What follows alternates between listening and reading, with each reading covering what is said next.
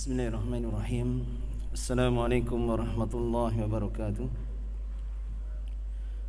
إن الحمد لله نحمده ونستعينه ونستغفره ونعوذ بالله من شرور أنفسنا ومن سيئات أعمالنا من يهده الله فلا مضل له ومن يضلله فلا هادي له أشهد أن وأشهد أن محمدا عبده ورسوله. لا نبي بعده. قال الله تعالى في القرآن الكريم يا أيها الذين آمنوا اتقوا الله حق تقاته ولا تموتن إلا وأنتم مسلمون. يا أيها الناس اتقوا ربكم الذي خلقكم من نفس واحدة وخلق منها زوجها وبث منهما رجالا كثيرا ونساء واتقوا الله الذي تساءلون به والأرحام إن الله كان عليكم ركيبا يا أيها الذين آمنوا اتقوا الله وكونوا قولا سديدا. يصلح لكم أعمالكم ويغفر لكم ذنوبكم. ومن يطع الله ورسوله فقد فاز فوزا عظيما. أما بعد فإن أصدق الحديث كتاب الله وخير الهدى هدى محمد صلى الله عليه وسلم وشر الأمور محدثاتها فإن كل محدثة بدعة وكل بدعة ضلالة وكل ضلالة في النار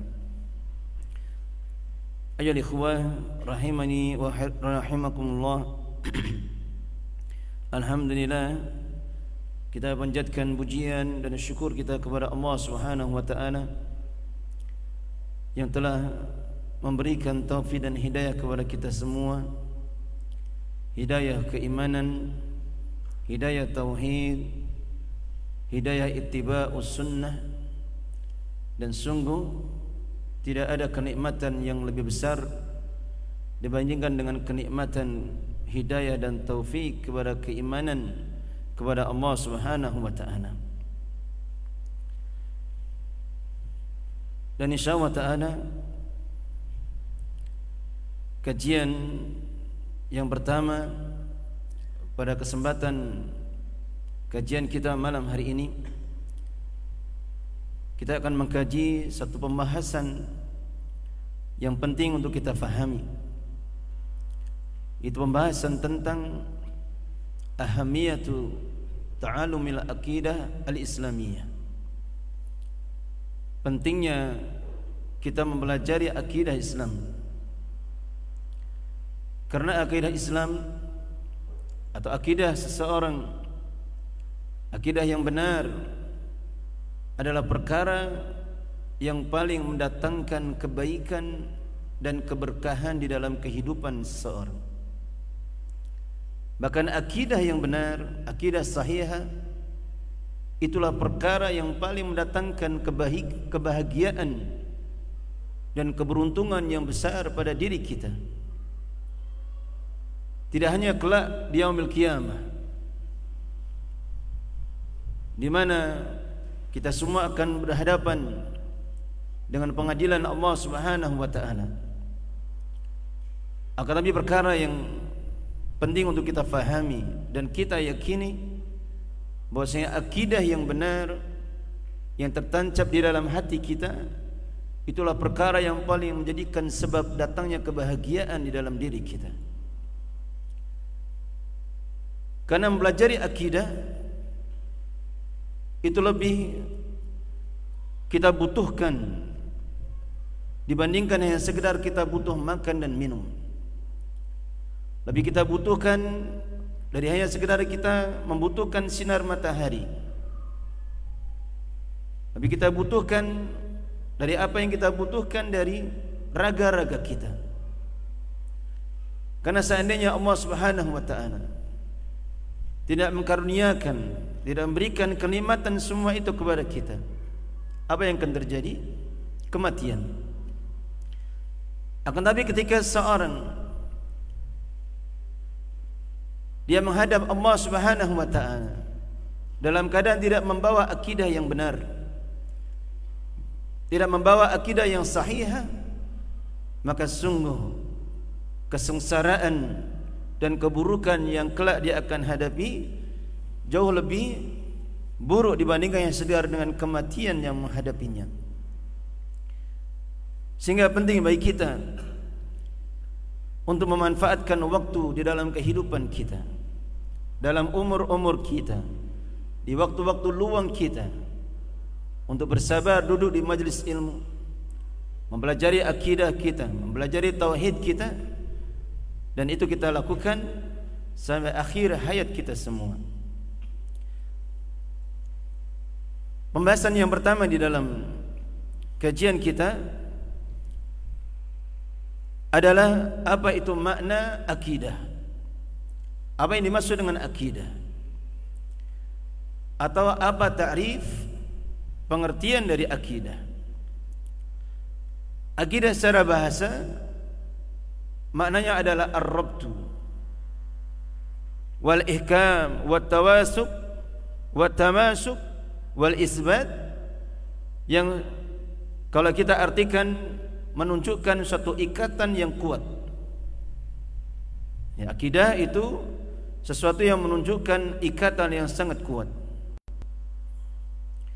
Adapun secara istilah syariah banyak para ulama memberikan takrif terhadap makna akidah dan di antara takrif yang disebutkan oleh para ulama bahwasanya akidah adalah al-umur allati yajibu ayusaddiqa biha al-qalbu wa tatma'inna ilaiha an-nafsu hatta takuna yakinan thabitan la yumazijuha raibun wa la yukhalituha syak apa itu akidah akidah adalah seluruh perkara-perkara yang wajib bagi hati itu untuk mengimaninya untuk mempercayainya, untuk meyakininya dan menjadikan jiwa itu tenteram badannya. Akidah yang sahih bisa menjadikan jiwa itu tenteram badannya sehingga menjadi satu keyakinan yang kokoh yang kuat yang tidak bisa digoyahkan dengan keraguan sedikit pun. Ini makna dari akidah. Kemudian kalau kita bicara akidah Maka itulah apa yang Dijelaskan oleh para ulama Dimaksudkan dengan Keyakinan kita kepada rukun iman yang enam. Kalau kita bicara akidah Maknanya kita berbicara tentang rukun iman yang enam. Apa saja rukun iman yang enam itu? Yang pertama iman kepada Allah Iman kepada para malaikat iman kepada para kepada kitab-kitabnya, iman kepada para rasulnya, iman kepada hari akhir dan iman kepada takdir yang baik dan yang buruk. Itulah mana akidah. Dan seluruh perkara-perkara itu semuanya min umuril ghaibiyah. Termasuk dari perkara-perkara kegaiban. Sesuatu yang tidak pernah kita lihat, sesuatu yang tidak pernah kita temui, sesuatu yang termasuk dari perkara-perkara kegaiban. Maka di sinilah letak perbedaan antara orang yang mukmin dengan orang yang kafir. Kita sebagai seorang mukmin diwajibkan untuk meyakini keimanan kita kepada enam perkara tersebut. Perkara yang tidak pernah kita lihat akan tapi Allah Subhanahu wa taala memerintahkan kita untuk mengimani dan meyakininya. Kemudian para ulama di dalam kitab-kitab akidah mereka juga menyebutkan dan menjelaskan bahawa ada sebagian di antara perkara-perkara yang sebetulnya itu bukan bagian dari rukun iman yang enam akan tapi dimasukkan di dalam perkara akidah juga. Di antaranya kewajiban kita untuk mencintai para sahabat membela mereka kemudian menutup aib-aib mereka tidak membicarakan kekurangan dan kesalahan-kesalahan mereka yang dahulunya tidak pernah disebutkan itu termasuk di antara perkara akidah akan tapi ketika datang sekelompok manusia orang-orang yang menyimpang yang lancang mulut-mulut mereka, lisan-lisan mereka mencela para sahabat, memfasikkan mereka bahkan mengkafirkan mereka, maka para ulama kemudian memasukkan perkara ini di dalam masalah akidah. Begitu juga di antaranya kewajiban kita untuk mentaati penguasa. Untuk senang mendoakan mereka. Salat di belakang mereka. Yang dahulu bukan termasuk di antara perkara akidah.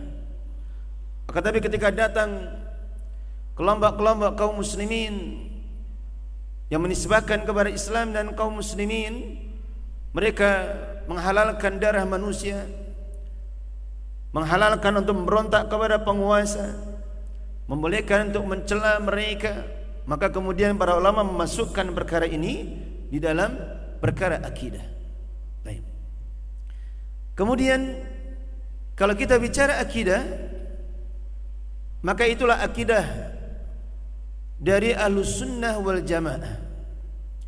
Kalau kita bicara akidah, itulah akidah Ahlus Sunnah wal Jamaah. Dan itulah akidahnya Rasulullah sallallahu alaihi wasallam, akidah para sahabat, akidah para tabi'in dan akidah juga para tabi'ut tabi'in termasuk di antaranya empat imam madhab, empat imam madhab yang ma'ruf yang kita kenal. Itulah akidah mereka. Dan mereka semuanya para ulama-ulama Ahlussunnah wal Jamaah tidak pernah mereka berselisih di dalam prinsip-prinsip akidah. Maka ini perkara yang harus kita pahami. Zaman para sahabat, para tabi'in, orang-orang yang belajar kepada para sahabat. Kemudian para tabi'ut tabi'in, orang-orang yang belajar kepada para tabi'in. Mereka berpegang teguh dengan akidah yang satu akidah yang sama dan mereka tidak pernah berselisih dalam satu prinsip akidah sekalipun. Tidak pernah dikenal mereka berselisih apakah ini kesyirikan atau bukan. Tidak pernah mereka dikenal berselisih ini ke keimanan atau kekufuran, kebatilan atau petunjuk. Maka tidak pernah dikenal. Sehingga akidah mereka satu. Akidah mereka adalah akidah yang sama. Sehingga kalau kita berpijak kepada akidah mereka, maka maknanya kita berpijak kepada akidah yang sama, akidah yang diajarkan oleh Rasulullah sallallahu alaihi wasallam. Memang disebutkan di dalam kitab para ulama kadang para ulama berselisih di dalam beberapa perkara-perkara yang berkaitan dengan akidah akan tapi itu hanya dalam perkara-perkara furu saja bukan perkara-perkara yang prinsip sebagaimana yang dipahami oleh para ulama-ulama kita zaman dahulu. Semisal contoh, para ulama berbeda pendapat apakah ketika Rasulullah itu mi'raj ke langit, Rasulullah mi'raj dalam keadaan dengan jasad dan ruhnya sekaligus atau hanya dengan ruhnya saja adapun jasadnya tetap di bumi. Maka dalam masalah ini para ulama berbeda pendapat. Akan tapi prinsip akidah mengimani bahwasanya peristiwa Mi'raj itu adalah perkara yang hak, maka tidak ada sedikit pun perselisihan di kalangan mereka. Termasuk juga para ulama berbeda pendapat. Apakah orang-orang kufar ketika mereka diwafatkan oleh Allah di dalam kubur mereka, apakah mereka juga ditanya dengan pertanyaan yang akan ditujukan juga kepada orang-orang mukmin? man rabbuka man nabiyuka wa madinuka ataukah langsung tidak ditanyakan tapi langsung diadab oleh malaikat-malaikat penjaga kubur? Maka para ulama berbeda pendapat tapi keyakinan adanya azab kubur nikmat kubur ada alam barza maka tidak ada sedikit pun di antara mereka berselisih dalam masalah ini sehingga ada satu bagian yang bisa dikatakan sebagai syarat kebenaran dan kesayangan akidah kita semua. Bahwasanya akidah Ahlussunnah wal Jamaah itulah akidah para ulama-ulama salaf zaman dahulu. Ulama salaf itu maknanya ulama yang datang mendahului kita, ulama-ulama zaman dahulu. Di kalangan para sahabat, tabi'in, tabi'ut tabi'in. Dan Allah Subhanahu wa taala telah memerintahkan kepada kita untuk memahami akidah Islamiyah sebagaimana pemahaman mereka terutama pemahaman para sahabat dan juga para ulama-ulama yang datang setelahnya yang mengikuti petunjuk dari kalangan para sahabat. Dan ini dijelaskan oleh para ulama termasuk di antara syarat. Kapan seorang itu dia meletakkan akidahnya dia menyandarkan akidahnya di atas petunjuk Al-Quran dan Sunnah maka itu belum mencukupi. Akan tapi yang menjadi syarat setelahnya wajib bagi dia meletakkan pemahaman dia kepada akidah salafus salih. Itulah akidah para sahabat radhiyallahu anhum ajma'in. Kenapa demikian? Karena Allah telah memerintahkan perkara ini. Allah telah memerintahkan kepada kita. Jadi itiba'us salaf mengikuti manhaj salaf Begitu kemahaman para sahabat tabi'un tabi'ut tabi'in itu perkara yang Allah wajibkan dan Allah perintahkan kepada kita.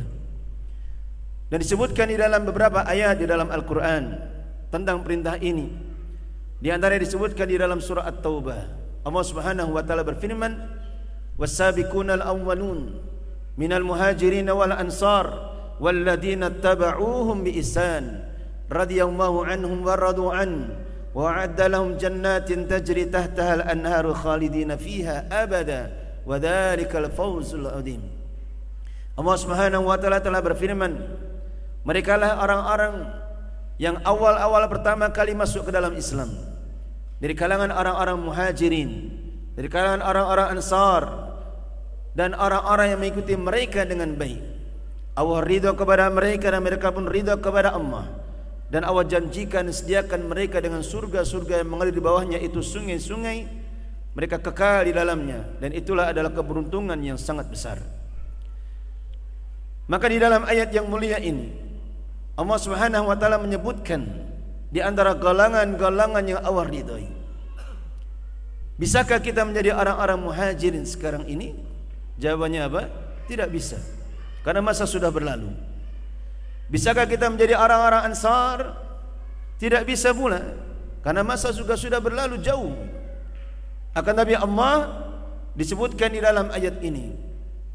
Telah memberikan kesempatan kepada kita Orang-orang yang datang kemudian Orang-orang yang hidup di akhir zaman ini Untuk tetap masih mendapatkan keridhaan Allah subhanahu wa ta'ala dan surganya Yaitu dengan cara apa? Wattaba'uhum bi'isan dengan cara mengikuti mereka. Mengikuti orang-orang muhajirin dan orang-orang ansar. Mereka lah para sahabat Nabi sallallahu alaihi wasallam. Demikian juga sebagaimana dijelaskan oleh para ulama para sahabat kenapa kita harus menyandarkan pemahaman kita kepada mereka karena mereka lah orang-orang yang hidup di zaman turunnya wahyu mereka orang-orang yang paling paham Kenapa dan untuk apa wahyu itu diturunkan? Mereka orang yang paling paham dengan bahasa Arab, bahasa Al-Quran. Bahkan mereka juga orang-orang yang paham dengan keadaan orang-orang Arab Zahiliyah yang hidup di zaman itu.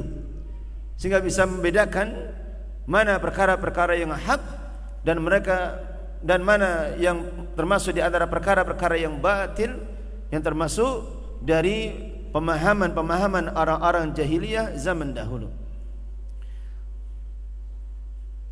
Maka inilah penjelasan tentang pengertian dari akidah Islamiyah. Kemudian dijelaskan oleh para ulama sekian banyak ahamiyah pentingnya kita untuk mempelajari akidah Islam.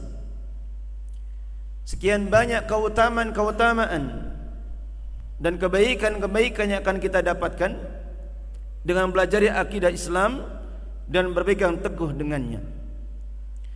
Di antaranya yang pertama dari pentingnya kita belajar akidah. Anna jami'ar rusul ursilu bidda'wat lil akidati sahihah. Yang pertama adalah bahwasanya seluruh para rasul mereka itu telah diutus untuk mendakwahkan akidah yang benar untuk mendakwahkan tauhid kepada umatnya Sehingga kalau kita sebutkan di sini makna akidah yang sahihah, maknanya tercakup di dalamnya perkara yang paling utama yaitu tauhid kita kepada Allah Subhanahu wa taala. Maka tidak ada satupun rasul, tidak ada satupun nabi diutus oleh Allah Subhanahu wa taala kecuali diperintahkan untuk mengajarkan akidah kepada umatnya. Kecuali untuk mendakwahkan tauhid yang benar kepada umatnya. Dan ini telah disebutkan di dalam beberapa ayat-ayat Al-Quran.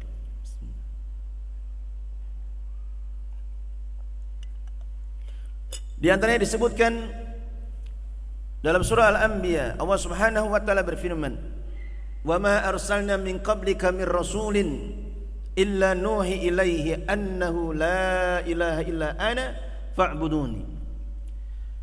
Dan tidaklah kami mengutus sebelum engkau dari seorang rasul pun kecuali kami wahyukan kepadanya bahwasanya tidak ada ilah yang berhak diibadai kecuali aku fa'buduni maka beribadahlah kepadaku maka perkara ini menunjukkan betapa pentingnya kita belajar akidah karena akidah atau tauhid itu adalah perkara yang paling utama dan yang pertama di dakwahkan oleh eh, seorang nabi atau seorang rasul dari kalangan nabi dan rasul manapun juga. Sebagaimana hal yang kita fahami Rasulullah SAW tinggal di Mekah berapa tahun lamanya? Berapa tahun Rasulullah tinggal di Mekah? 13 tahun. Maka beliau tidak pernah atau belum diperintahkan oleh Allah untuk mengajarkan kepada umatnya perkara-perkara fikih. Baru ada perintah untuk solat. Itu pun solatnya masih dua rakaat terus. Karena solat pertama kali disyariatkan itu dua rakaat. Belum ada solat Jumat, belum ada solat Id. Puasa itu pun puasanya puasa Yaum Ashura. Belum ada puasa Ramadan, belum ada zakat, belum ada syariat-syariat pernikahan, warisan, muamalah jual beli dan yang lainnya.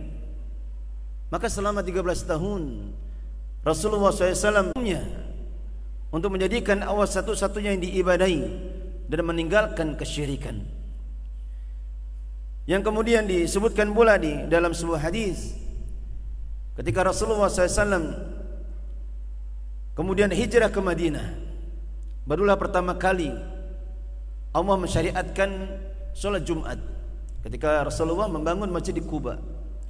Kemudian selama di Madinah turun ayat-ayat menjelaskan perintah-perintah sebagaimana apa yang kita fahami di dalam Al-Qur'an.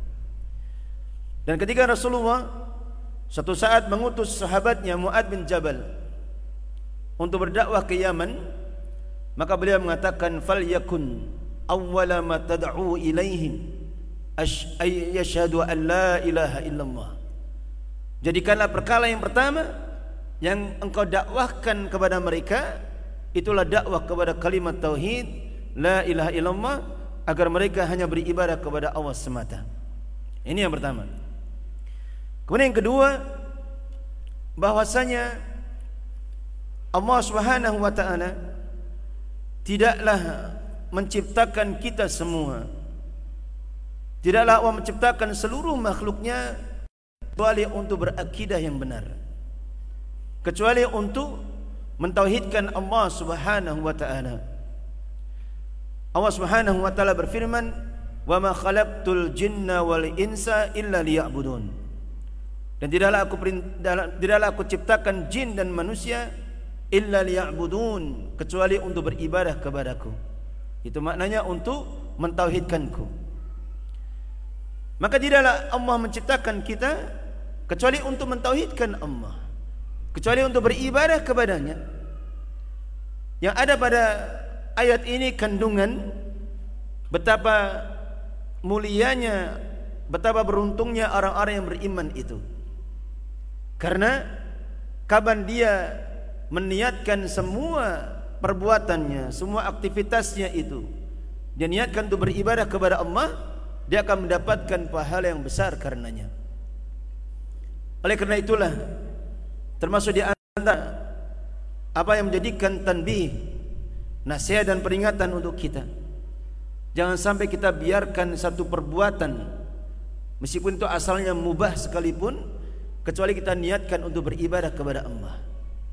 Apa contohnya? Bekerja misalkan. Kita makan, kita tidur, kita minum, kita berjalan. Maka semuanya kita niatkan untuk beribadah kepada Allah. Kita makan minum agar badan kuat untuk beribadah kepada Allah. Kuat bekerja, kuat belajar, Kemudian kita membeli apa yang kita inginkan, kita niatkan untuk dalam jalan-jalan kebaikan. Maka semuanya itu akan dinilai sebagai ibadah yang besar di sisi Allah Subhanahu wa taala. Dan ini sungguh jauh berbeda keadaannya dengan orang-orang yang kafir. Orang kafir janganlah jangankan perkara-perkara yang mubah bahkan ibadah sebanyak apapun sedekah sebesar apapun maka tidak akan diterima di sisi Allah Subhanahu wa taala dikarenakan tidak adanya keimanan di dalam hati mereka. Sebagaimana disebutkan di dalam surah At-Taubah, Allah Subhanahu wa taala berfirman, "Wa ma mana'ahum an tuqbala minhum nafaqatuhum illa annahum kafaru billahi wa rasulih." Tidaklah menghalangi mereka untuk diterima sedekah-sedekah mereka kecuali disebabkan karena mereka telah ingkar, telah kufur kepada Allah dan juga kepada Rasulnya. Maka para ulama menjelaskan tentang ayat ini ketika ibadah sedekah yang itu manfaatnya dirasakan oleh orang lain saja tidak diterima di sisi Allah. Maka lebih-lebih sedekah yang manfaatnya hanya kembali kepada dirinya sendiri. Sebagaimana solat puasa kan kembali kepada diri kita sendiri. Maka ketika sedekahnya orang-orang kufar itu tidak diterima di sisi Allah terlebih lagi ketika ibadah itu hanya berkaitan dengan pribadinya semata. Ini yang kedua. Kemudian yang ketiga, anna qabul al-a'mal mutawaqqifun ala tahqiqi tauhid min al-'abdi wa kamali a'malihi ala kamali tauhid.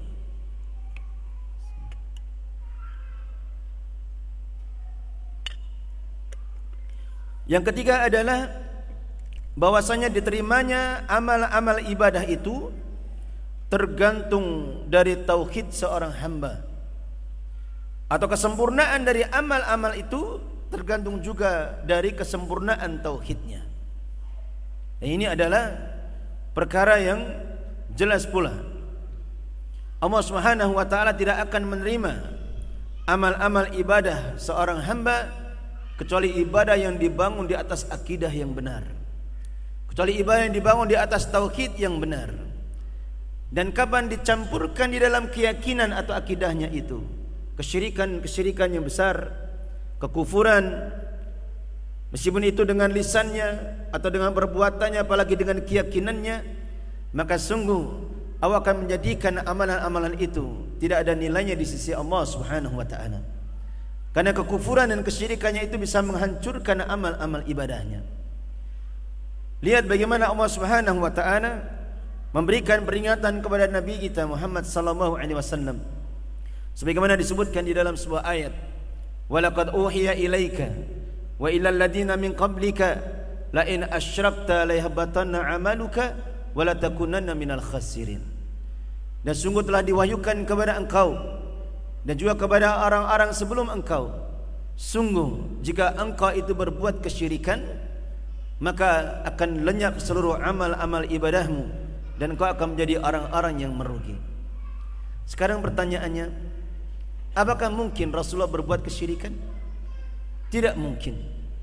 Tidak mungkin yang namanya seorang nabi, seorang rasul itu berbuat kesyirikan kepada Allah. Terlebih lagi nabi kita Muhammad sallallahu alaihi wasallam maka tidak mungkin beliau itu berbuat kesyirikan kepada Allah. Sehingga maknanya adalah apa? Ketika kepada rasulnya saja Allah memberikan peringatan sedemikian keras.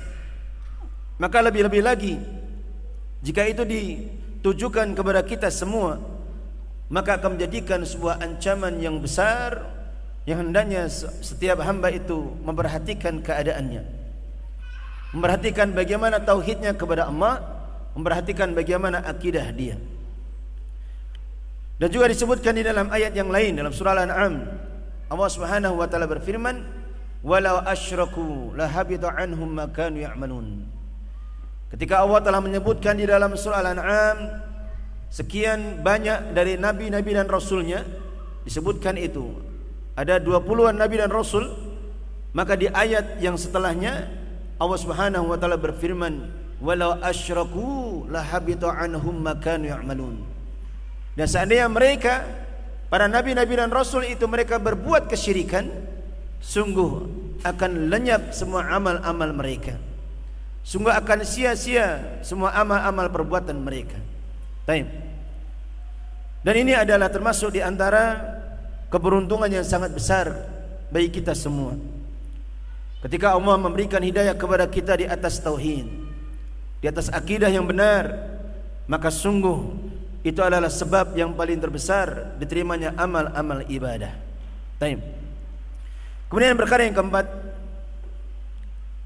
anna najata fil akhirah ibtida'an aw ma'alan mutawaqqifatun ala sihhatil aqidah bahwasanya keselamatan diri kita di akhirat baik keselamatan secara sempurna atau keselamatan di akhirnya artinya Allah akan mengadab kita di neraka dengan sebab dosa-dosa kita. akan nabi kelak Allah tidak akan menjadikan itu kekal di dalamnya dan Allah akan masukkan pada akhirnya ke dalam surganya maka itu juga tergantung dari benarnya akidah kita. Keselamatan diri kita di yaumil kiamah kelak itu tergantung dari akidah kita. Rasulullah sallallahu alaihi wasallam telah bersabda di dalam sebuah hadis Inna Allah harrama 'alan nar. Man qala la ilaha illallah yabtagi bidzalika wajha Allah. Sesungguhnya Allah Sesungguhnya Allah telah mengharamkan atas neraka itu bagi siapa yang mengucapkan kalimat tauhid la ilaha illallah yabtagi bidzalika wajh Allah. Dia inginkan dengan ucapannya itu untuk mendapatkan wajah Allah Subhanahu wa taala. Dan ini adalah perkara yang juga kita fahami. Kapan seorang dia berpegang teguh dengan tauhidnya, berpegang teguh dengan akidahnya, akidah al-sunnah wal jamaah, maka itu adalah perkara yang paling mendatangkan keberkahan dan perkara yang paling menyelamatkan dirinya dari adab di neraka kelak. Bahkan telah disebutkan di dalam banyak hadis bagaimana Rasulullah menghabarkan kepada kita keberuntungan yang besar bagi hamba-hamba yang meskipun dia berkeliman dengan perbuatan dosa-dosanya akan tapi dengan sebab tauhidnya awak akan selamatkan dia dari azab atau paling sedikitnya dari kekalnya api neraka. Tentunya kita pernah mendengar hadis tentang bitaqah. Itu seseorang yang dihadapkan kepada Allah Subhanahu wa taala dan diberikan kepadanya catatan sebanyak 99 sijilat. Satu catatan saja itu jauhnya sejauh mata memandang Semuanya isinya adalah perbuatan dosa dan maksiat dan hanya kebaikan yang sedikit saja yang ada padanya. Jadi kalau 99 catatan maka satu catatan saja itu isinya perkara-perkara dosa dan kemaksiatan dan itu sejauh mata memandang. Hingga kemudian Allah Subhanahu wa taala mengingatkan dia dengan satu kartu bitaqah yang ada di dalam tulisan la ilaha illallah Muhammad Rasulullah dia mencintai ucapan itu, dia mencintai kalimat itu. Maka ketika diingatkan dengan kartu yang pernah dia punya dahulu di dunia, dia hanya berkata, "Ya Rabb, apa faedahnya kartu ini dibandingkan dengan dosa-dosaku yang sedemikian banyaknya?" Akan tapi kemudian Allah Subhanahu wa taala memerintahkan kepada malaikatnya untuk mendatangkan mizan timbangan. Maka ditimbanglah kartu itu, ditimbang dengan 99 catatan amal-amal perbuatannya. Dan ternyata kartu itu lebih berat timbangannya, kemudian menjadikan amal-amal keburukannya itu terpental. Hingga kemudian Allah menjadikan mengampuni dosa-dosanya dan Allah masukkan ke dalam surganya. Tapi tentunya hadis-hadis seperti ini bukan untuk orang-orang yang senang meremehkan dosa. Tapi ini adalah hadis yang lebih ditujukan kepada orang-orang yang berputus asa dari rahmat dan ampunan Allah Subhanahu wa taala. Karena kalau dihadapkan kepada orang yang meremehkan dosa, maka ini adalah perkara yang kadang membahayakan diri kita. Nah, ini ada keutamaan yang besar dari tauhid, dari akidah yang benar. Maka tidak apa-apa kita melakukan dosa, Allah akan mengampuninya. Maka tidak seperti ini keadaannya. Tapi yang lebih banyak harusnya kita kaji, harus kita dengarkan, harus kita tadabburi. Itu ayat-ayat yang ada di dalamnya ancaman-ancaman bahwasanya dengan dosa-dosa yang kita remehkan bisa jadi itu perkara yang bisa membinasakan kita kelak di yaumul qiyamah. Baik. Kemudian yang kelima bahwasanya anna hadhihi al-aqidah tuhaddidu al-alaqah bainal 'abdi wa khaliqihi. Bahwasanya akidah yang sahih itu akan menjadikan suatu ikatan yang kuat antara seorang hamba itu dengan Allah Subhanahu wa taala. Orang yang berakidah yang benar Orang yang bertauhid dengan tauhid yang benar Maka akan ada di dalam hatinya itu pengagungan kepada Allah Akan ada di dalam hatinya itu berkumpul sekian banyak ibadah-ibadah yang agung Ada di dalamnya rasa takut dia kepada Allah. Sehingga tidak bermudah-mudahan di dalam melakukan dosa. Tidak bermudah-mudahan di dalam meninggalkan perintah-perintahnya. Kemudian juga ada harapan yang besar kepadanya. Senantiasa bermuraqabatullah merasa diawasi oleh Allah. Karena dia mengetahui Allah adalah zat yang maha mengetahui segala apa yang dia perbuat. Ada pengagungan pula di dalam hatinya. Ada ketakwaan ada taubat dan cepatnya dia kembali kepada Allah Subhanahu wa taala maka orang-orang yang berakidah yang sahihah maka hatinya akan dipenuhi dengan kecintaan kepada Allah Subhanahu wa taala. Dan tidak ada kenikmatan yang paling besar di dalam kehidupan kita di dunia ini melebihi kecintaan kita kepada Allah dan kedekatan kita, pengagungan kita kepada Allah Subhanahu wa taala. Baik. Kemudian setelahnya dari pentingnya kita belajar akidah. Kadang tidak dipahami oleh kebanyakan kaum muslimin, kebanyakan manusia. Anna sa'adah fid dunya asasuha al-ilmu billahi ta'ala. Bahwasanya kebahagiaan seorang hamba itu di dunia maka pangkalnya adalah makrifah tauhid dia kepada Allah Subhanahu wa taala. Saya ulangi, kebahagiaan seorang hamba itu terletak pada tauhid dia kepada Allah Subhanahu wa taala. Artinya tergantung dengan akidah yang benar yang ada di dalam hatinya.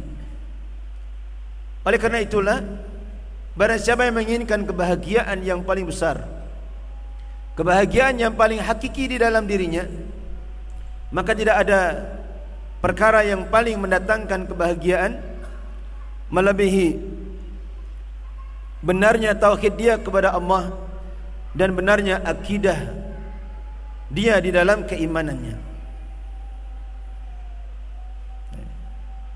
Adan? Baik. Karena sudah masuk waktu Isya, ya, kita kumandangkan azan dulu baru kemudian kita lanjutkan pembahasannya. Baik. Perkara yang keenam dari ahamiyatu akidah Islamiyah. Pentingnya kita belajar akidah anna sa'ada fid dunya asasuha al-ilmu billahi ta'ala bahwasanya kebahagiaan seorang hamba di dunia berpangkal dari tauhid dia kepada Allah dan makrifah dia kepada Allah Subhanahu wa taala. Dan ini adalah perkara yang penting untuk kita fahami. Kapan seorang itu menginginkan kebahagiaan, ketenangan di dalam hatinya, maka perkara yang paling besar yang mendatangkan kebahagiaan adalah keimanan dia kepada Allah dan tauhid kepadanya bukan harta bukan pangkat jabatan bukan kemasyuran ketenaran bukan karena itu semua hanyalah wasilah kita untuk beribadah kepada Allah. Itu hanyalah perkara-perkara yang mendatangkan kesenangan. Bahkan ketika kenikmatan-kenikmatan itu berada di tangan orang-orang yang tidak bertakwa kepada Allah maka lebih banyak mendatangkan kehancuran dan kebinasaan. Harta yang banyak pangkat jabatan berada di tangan orang yang tidak bertakwa bukan orang yang saleh maka akan lebih banyak menyebabkan datangnya kehancuran bagi kehidupannya. Tapi termasuk di antara sifat adilnya Allah yang maha sempurna Allah menjadikan kebahagiaan seorang hamba itu terletak pada keimanan dan ketakwaan dia kepada Allah Subhanahu wa taala. Terletak pada tauhid dia kepada Allah yang kemudian melahirkan amal-amal solehnya perbuatan-perbuatan yang mulianya akhlak-akhlak yang baiknya maka semua itu adalah buah dari keimanan dan tauhid dari Allah Subhanahu wa taala. Dan disebutkan di dalam beberapa ayat di dalam Al-Qur'an. Ayat-ayat yang bisa jadi kita sering membacanya atau pernah membacanya akan tapi sedikit di antara kita memahami bahwasanya ayat ini ada kandungan di dalamnya. Allah Subhanahu wa taala tidak hanya akan membalas setiap keimanan seorang hamba itu dan amal-amal solehnya kelak di yaumul kiamah. Akan tapi Allah juga akan balas juga di dunia ini. Disebutkan di dalam surah An-Nahl Allah Subhanahu wa taala berfirman man amila salihan min dzakarin aw unsa wa huwa mu'min falanuhyiyannahu hayatan thayyibah wa lanajziyannahum ajrahum bi ahsani ma kanu ya'malun.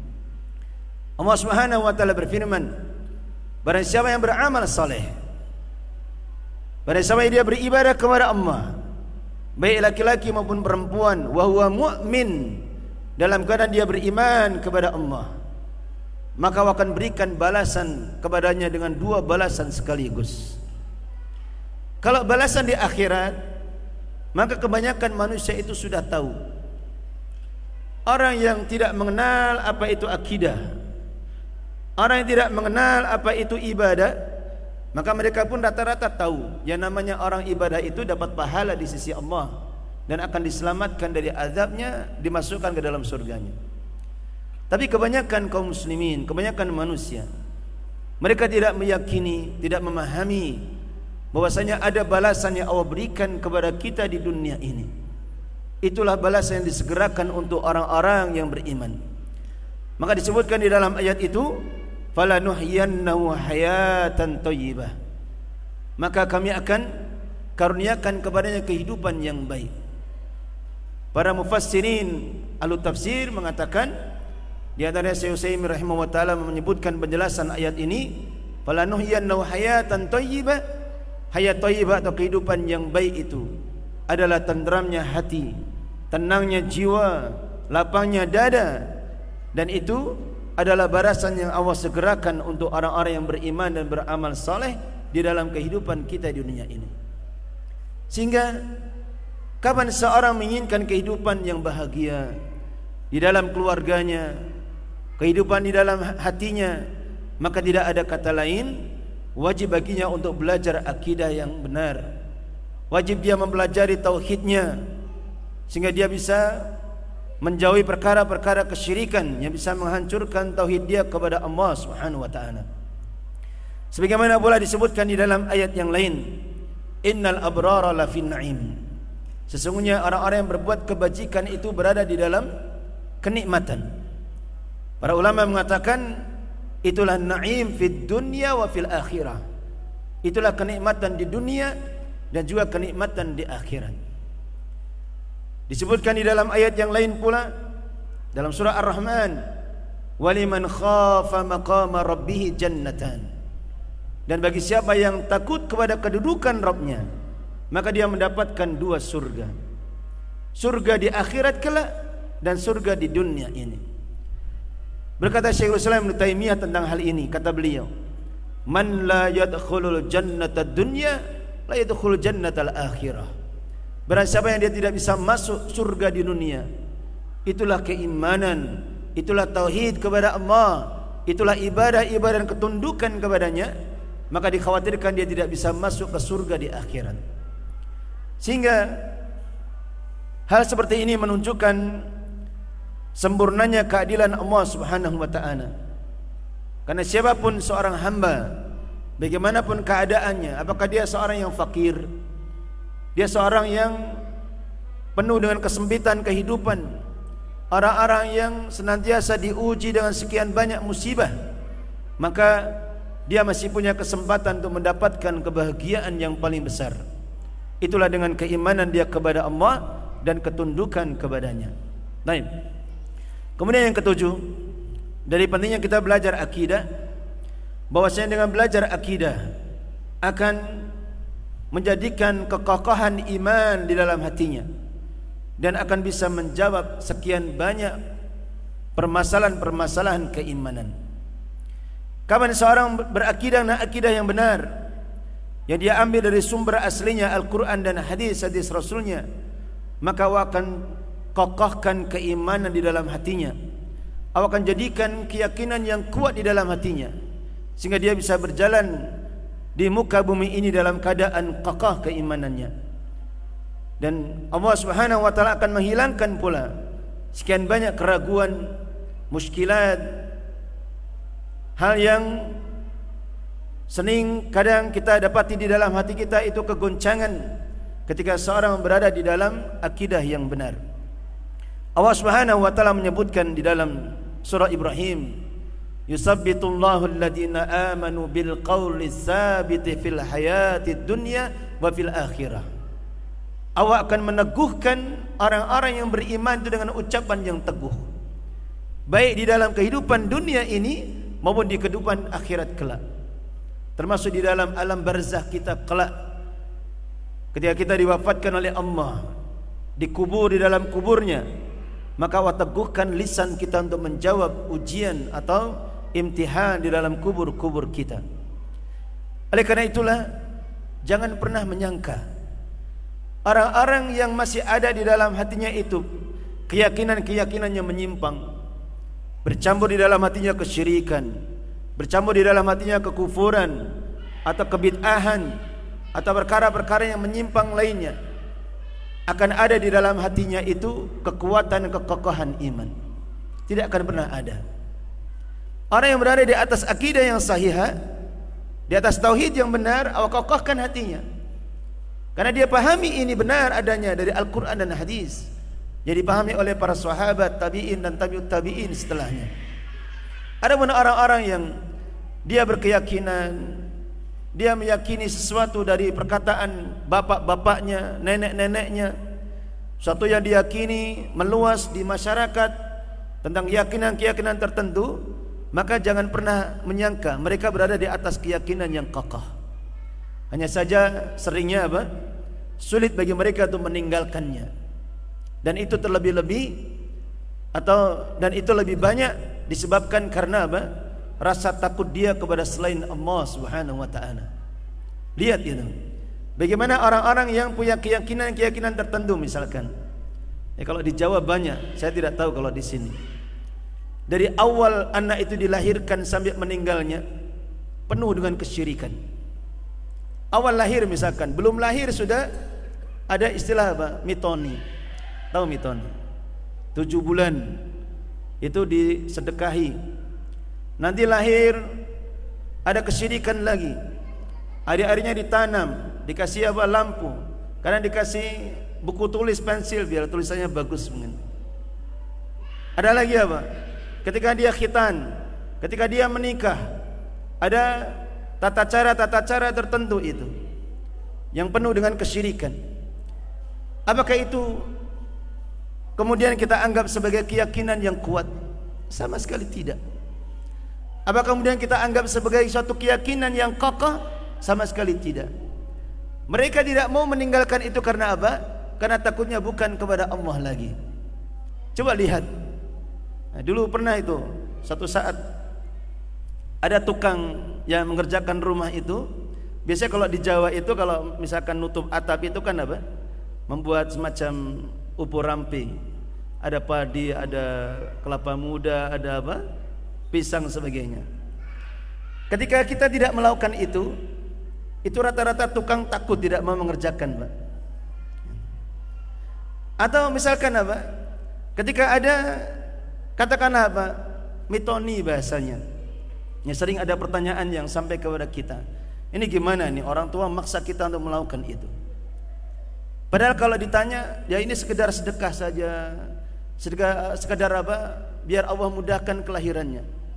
Akan tapi kita kita katakan, ya kalau begitu, kalau cuma sekedar sedekah, harusnya kita bisa sedekah dengan cara yang lain kan?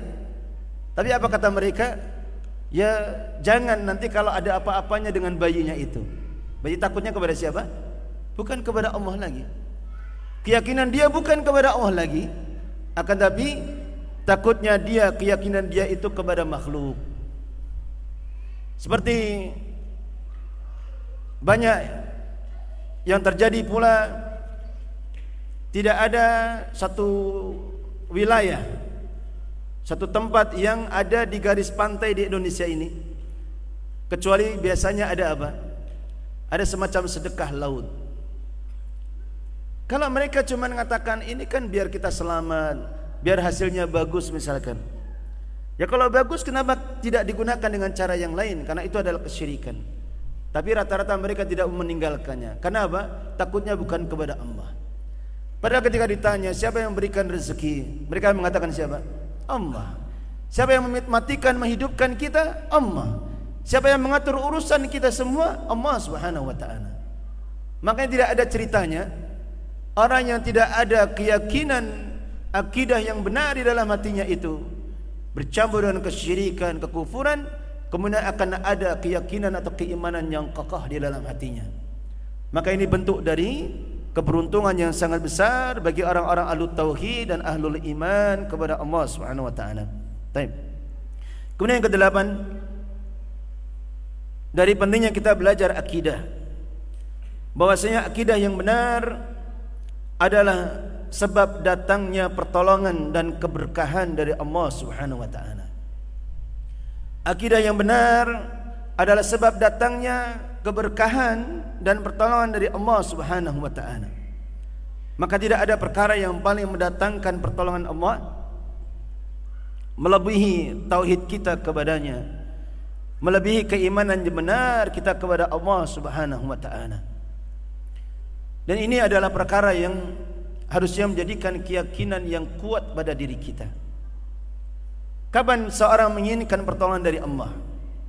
Dari sekian banyak permasalahan di dalam kehidupannya, masalah keluarganya, masalah di dalam negerinya, di kaumnya, sehingga Allah berkenan menurunkan keberkahan dan kebaikan kepadanya. Maka tidak ada perkara yang paling mendatangkan itu kecuali keimanan kita yang benar kepada Allah dengan berpegang teguh dengan akidah yang sahihah. Yang kemudian akidah yang benar itulah yang kelak akan melahirkan menumbuhkan amal-amal soleh dan ibadah-ibadah yang benar kita kepada Allah Subhanahu wa taala.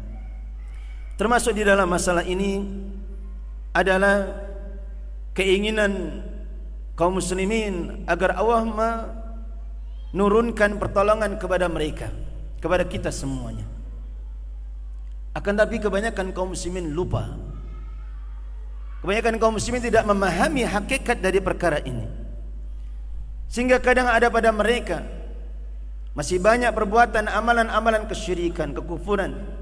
Lalu bagaimana Allah akan menurunkan pertolongan kepada kita semuanya? Sebagaimana apa yang kita alami baru saja. Satu pelajaran yang berharga. Bahwasanya Allah hanya akan memberikan pertolongan kepada kaum muslimin itu dengan sebab tauhid kita kepada Allah. Dengan tersebarnya tauhid sehingga menjadikan Allah satu-satunya diibadai dan tidak beribadah kepada selainnya kepada makhluk siapapun juga. Dan ini perkara yang banyak dilalaikan. Banyak kaum muslimin menginginkan perbaikan pada negeri ini